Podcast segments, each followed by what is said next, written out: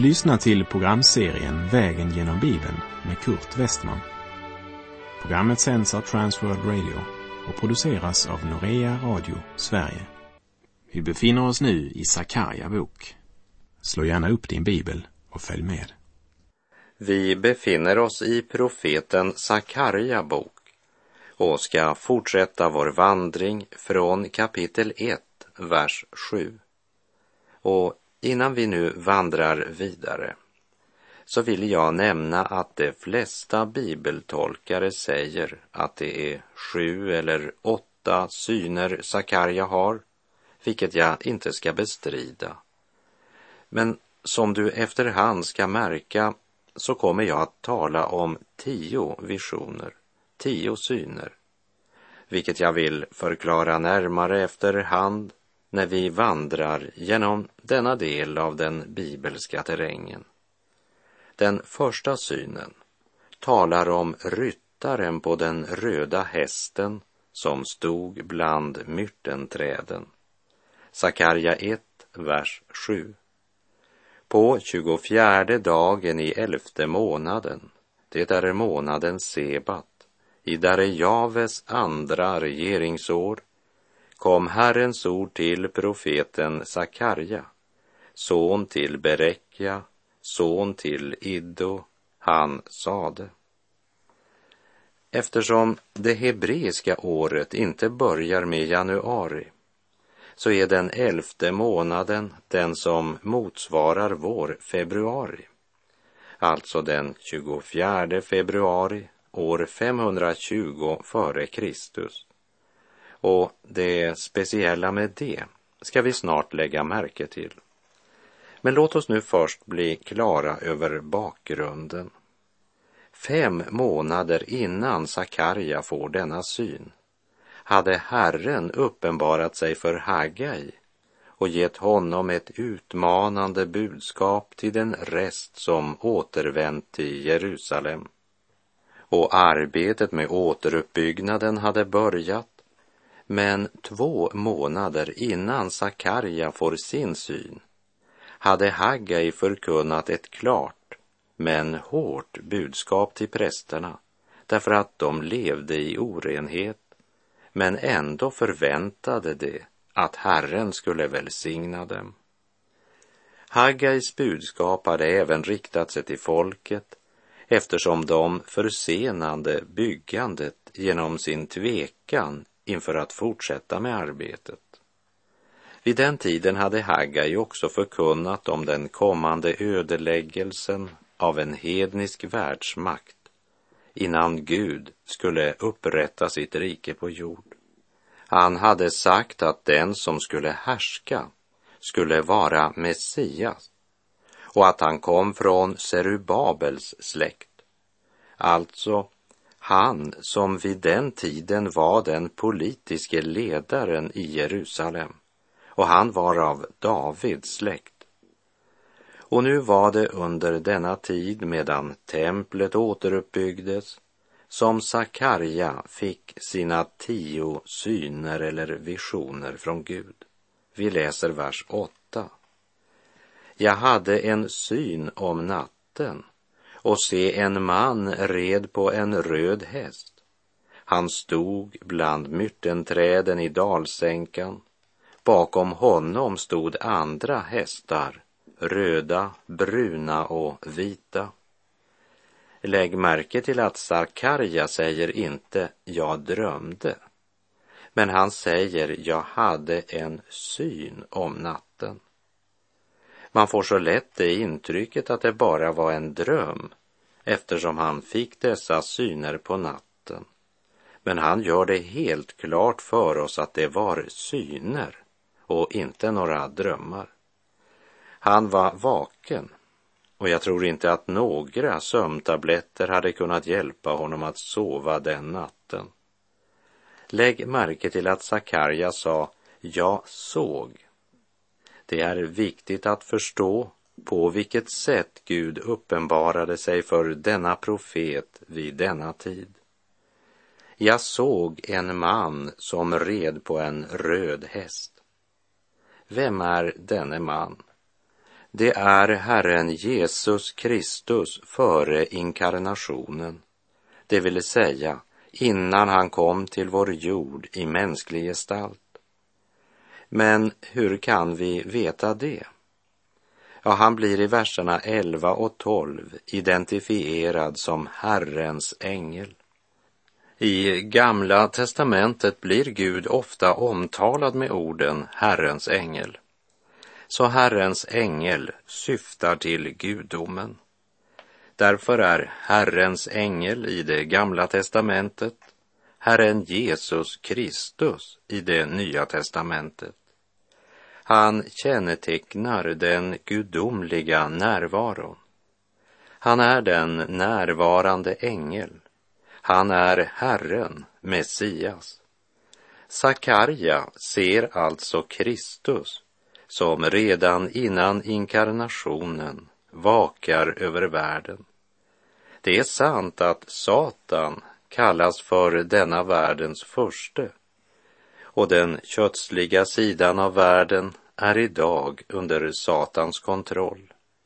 Men Gud har inte överlämnat denna värld till Satan. Även i detta ögonblick står Herren Jesus Kristus och vakar över det sina. Här i Sakarjas syn är det särskilt Israel han vakar över.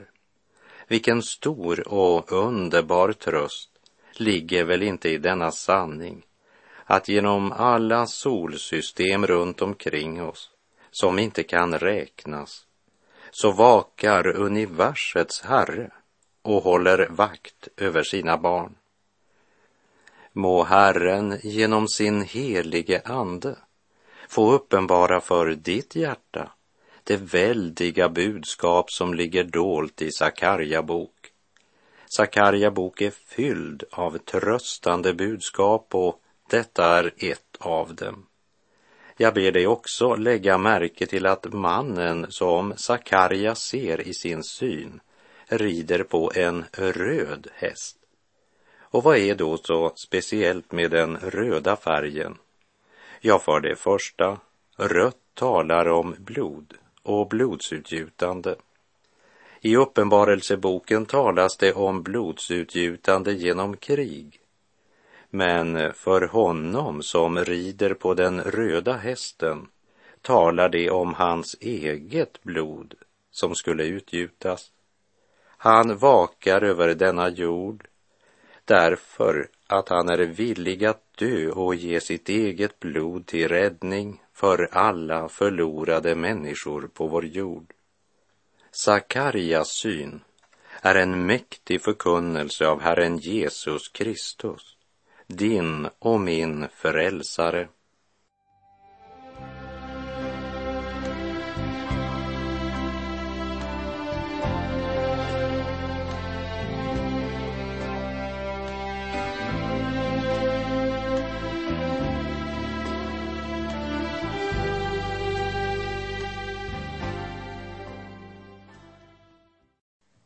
Bakom honom stod andra hästar, röda, bruna och vita.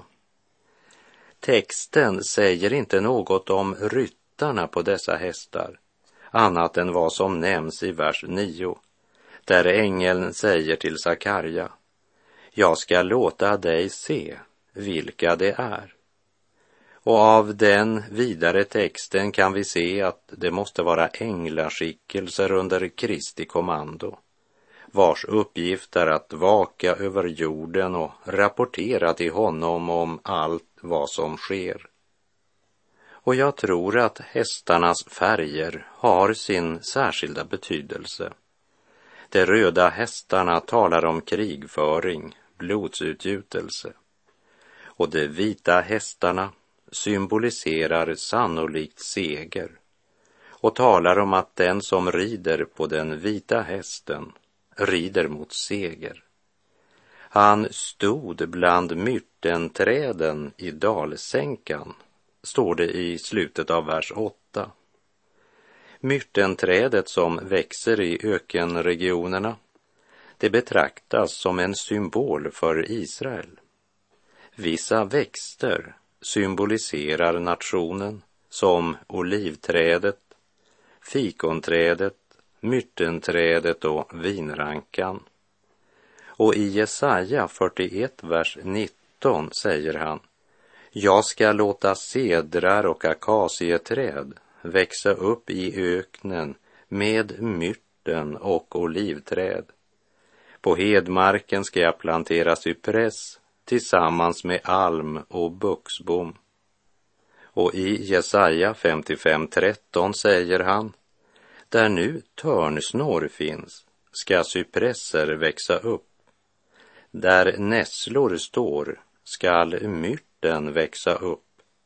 Detta ska bli Herren till ära och ett evigt tecken som inte skall utplånas.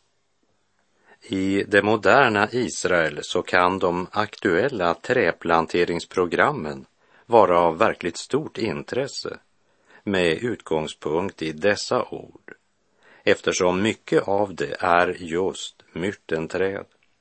Bland annat är det intressant att lägga märke till att när man firade lövhyddohögtiden så använde man grenar av myrten tillsammans med palmgrenar när lövhyddorna restes.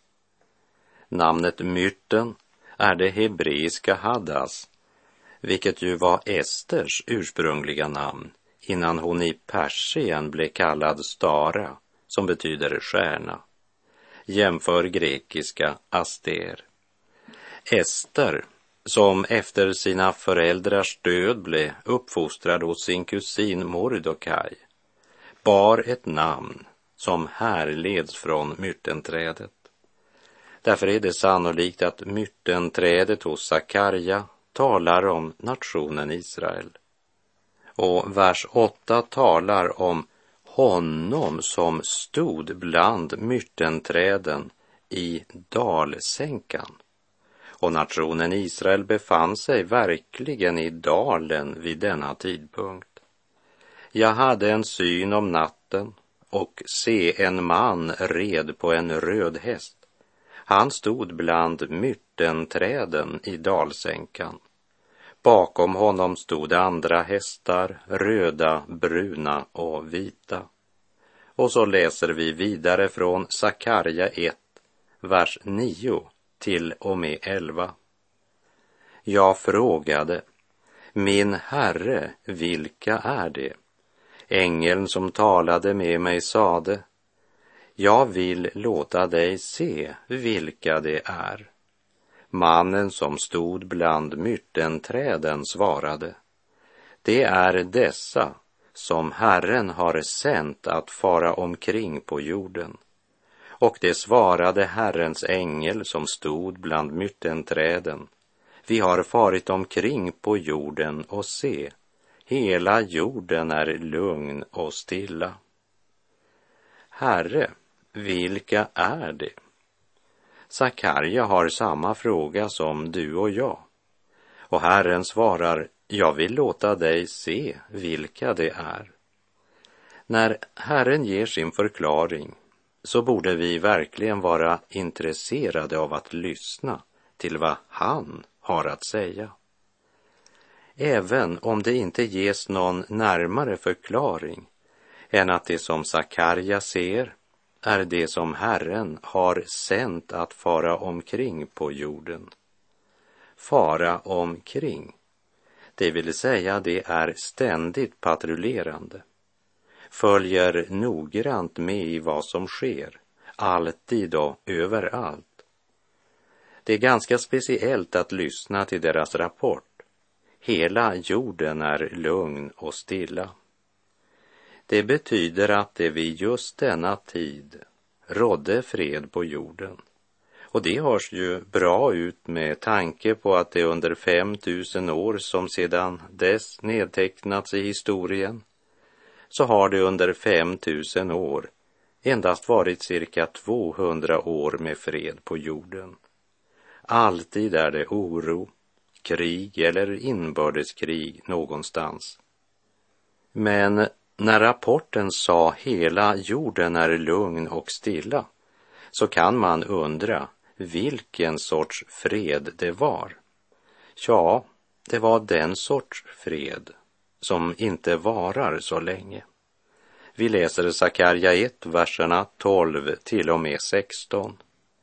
Då sade Herrens ängel, Herre Sebaot, hur länge skall det dröja innan du förbarmar dig över Jerusalem och Judas städer? Du har visat din förbittring mot dem i 70 år. Herren svarade den ängel som talade med mig med goda och tröstande ord. Och ängeln som talade med mig sade sedan, ropa ut, så säger Herren Sebaot. Jag nitälskar för Jerusalem och brinner av nit för Sion. Jag är mycket vred på hedna folken som sitter så säkra, ty medan jag var endast litet vred hjälpte det ondskan att förökas. Därför säger Herren så, jag har vänt tillbaka till Jerusalem i barmhärtighet. Mitt hus skall åter byggas där, säger Herren Sebaot och mätsnöret skall spännas över Jerusalem. Ängelns ord, Herre Sebaot, hur länge ska det dröja innan du förbarmar dig över Jerusalem? Det är ett nödrop från en som ser att Guds välsignelse ännu inte vilar över Jerusalem och över återuppbyggnaden. Fångenskapet hade upphört den lilla skaran som återvänt hade påbörjat återuppbyggnaden av templet. Men trots detta var det något som saknades. Herrens närvaro, Herrens välsignelse. Herre, hur länge ska det dröja innan du börjar välsigna oss? Gud gör det klart att han är missnöjd med nationerna som hade fred men som var så likgiltiga för Jerusalems tillstånd. Gud är inte likgiltig för hur de andra nationerna förhåller sig till den stad och det folk som är Herrens utvalda.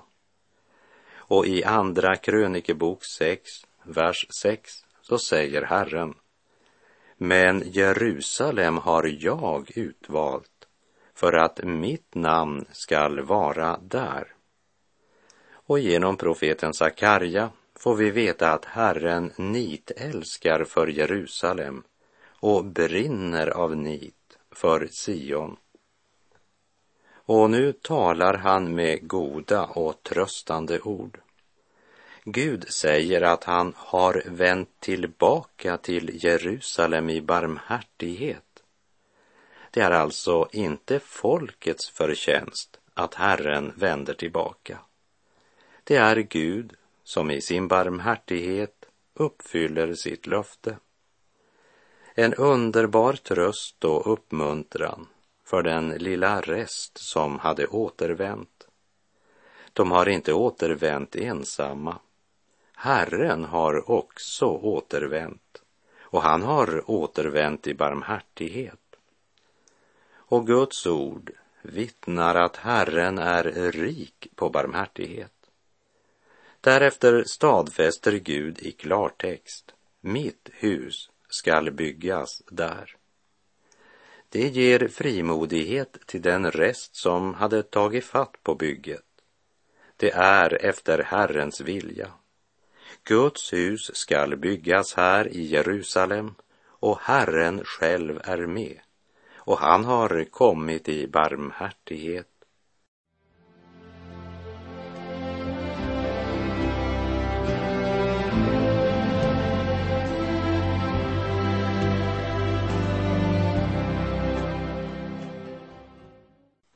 Det verkar som om ingen av världens regenter och styrande förstår att det blir aldrig någon fred i världen förrän det blir fred i Jerusalem.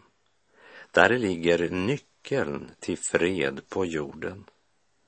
Och i vår tid så är det väl mer uppenbart än någon gång tidigare. Det som skett sedan Israel åter fick återvända till sitt land, stadfäster detsamma. Och den gång oljekrisen kom så blev det ganska uppenbart hur få verkliga vänner Israel egentligen har. Många som påstått sig vara Israels vänner försvann som dagg för solen eftersom det var viktigare att få olja än att visa Israel vänskap. Samtidigt måste det ju sägas att Israel har inte idag återvänt till Herren, även om ständigt nya skaror återvänder till landet ifrån olika delar av världen. Men de flesta judar är ännu i otro, spridda i stora delar av världen och föraktas eller förföljs och hatas än idag i de flesta land. Inte minst nyhetsförmedlingen är ju ofta starkt vinklad i negativ riktning för Israel. Och undertonen är ju ofta, hur ska det kunna bli fred när Israel besvarar fiendernas angrepp? Världsopinionen har delat Jerusalem. Men hör vad Guds ord säger om Jerusalem. Saltarsalmen 132, vers 13 och 14. Ty Herren har utvalt Sion, där vill han ha sin boning. Detta är min viloplats till evig tid, här skall jag bo och hit längtar jag. Vi läser Sakarja kapitel 1, vers 17. Ropa än en gång, så säger Herren Sebaot. Än en gång skall mina städer flöda över av det som är gott. Herren skall än en gång trösta Sion. Än en gång skall han utvälja Jerusalem en profetia och ett framtidslöfte som ska hjälpa folket att inse att arbetet de utför är ett led i Guds plan och Herren ska än en gång trösta Sion. Herren stadfäster att deras arbete har ett gudomligt perspektiv. Och här har vi orsak att fråga oss idag. Hur är det med dig och mig idag? Är vårt liv, våra tankar och våra intressen riktade mot Gud? Har vi evighetsperspektiv eller lever vi bara för ögonblicket? Så kommer vi till Sakarja andra syn, vers 18 och 19 och jag lyfte upp ögonen och såg och se där fyra horn. Jag frågade ängeln som talade med mig, vad betyder dessa? Han svarade mig, detta är dessa horn som har skingrat Juda, Israel och Jerusalem. Jag betraktar synen med de fyra hornen som en syn och synen med de fyra smederna som en annan syn. Även om jag är klar över att de flesta teologer räknar de båda som en syn. Hornen Sakarja ser representerar det som skingrat Jerusalem, Juda och Israel. Det vill säga, det har splittrat riket i Nordriket och Sydriket. Och hornen representerar hedniska regenter och vi finner den förklaringen i Daniels bok där det i kapitel 7, vers 24 talas om tio horn. De tio hornen betyder att tio kungar skall uppstå i det riket. Så de fyra hornen i Sakarja representerar fyra hedniska världsmakter och de fyra makter som skingrade Israel, det var Babylon, det medisk-persiska riket, Grekland och Rom. Och det intressanta är att i nästa syn gör Gud det klart att han kommer att ställa dessa länder till svars för vad de har gjort mot Israel. Sakarja 1, vers 20 och 21. Och Herren lät mig se fyra smeder. Jag frågade, varför har dessa kommit och vad ska de göra? Han svarade, där är det horn som skingrat Juda så att ingen kunde lyfta upp huvudet. Men smederna har kommit för att förskräcka dem och slå av hornen på det hedna folk som har lyft sitt horn mot Judas land för att skingra dem som bor där. Smederna talar här om det redskap som Gud använder för att krossa och förskräcka de fyra makter som skingrat Israel. Och här citerar jag Dr. Merrill Unger som säger i tråd med Daniels profetia angående hedningarnas tider som vi läser om i Daniel kapitel 2, verserna 31 till och med 45 och Daniel 7, verserna 2 till 13 så skall tre av hornen genom Guds straff bli smeder, medan det fjärde och sista hornet krossas genom att Kristus återvänder och upprättar sitt herravälde. Så det första hornet, Babylon, krossas av Medo-Persien, det andra hornet. Så det andra hornet, Medo-Persien, blir den första smeden men blir sedan själv krossade av det makedonisk-grekiska riket, det tredje hornet, som blir den andra smeden. Och det riket krossas i sin tur av det romerska riket som blir den tredje smeden. Och det fjärde hornet, Rom, det mest fruktansvärda av alla, krossas av Kristus när han upprättar tusenårsriket och Kristi titel återfinner vi i Uppenbarelseboken 19, vers 16. Och på sin mantel och på sin höft har han ett namn skrivet, Konungarnas konung och herrarnas herre. När Jesus kom till vår jord första gången var hans titel Timmermannen från Nasaret. Men han återvänder som konungarnas kung och herrarnas herre och då ska han uppfylla sitt löfte till Jerusalem. Och lika säkert som han skall hålla sitt löfte till Jerusalem, lika säkert skall han uppfylla sitt löfte till var och en som tagit emot honom i tro och förblivit hos honom. Löftena kan inte svika, nej, det står evigt kvar. Jesus med blodet beseglat allt vad han lovat har. Himmel och jord ska brinna, höjder och berg försvinna, men den som tror ska finna löftena, det står kvar. Och med det så är vår tid ute för den här gången. Herren vare med dig. Må hans välsignelse vila över dig. Gud är god.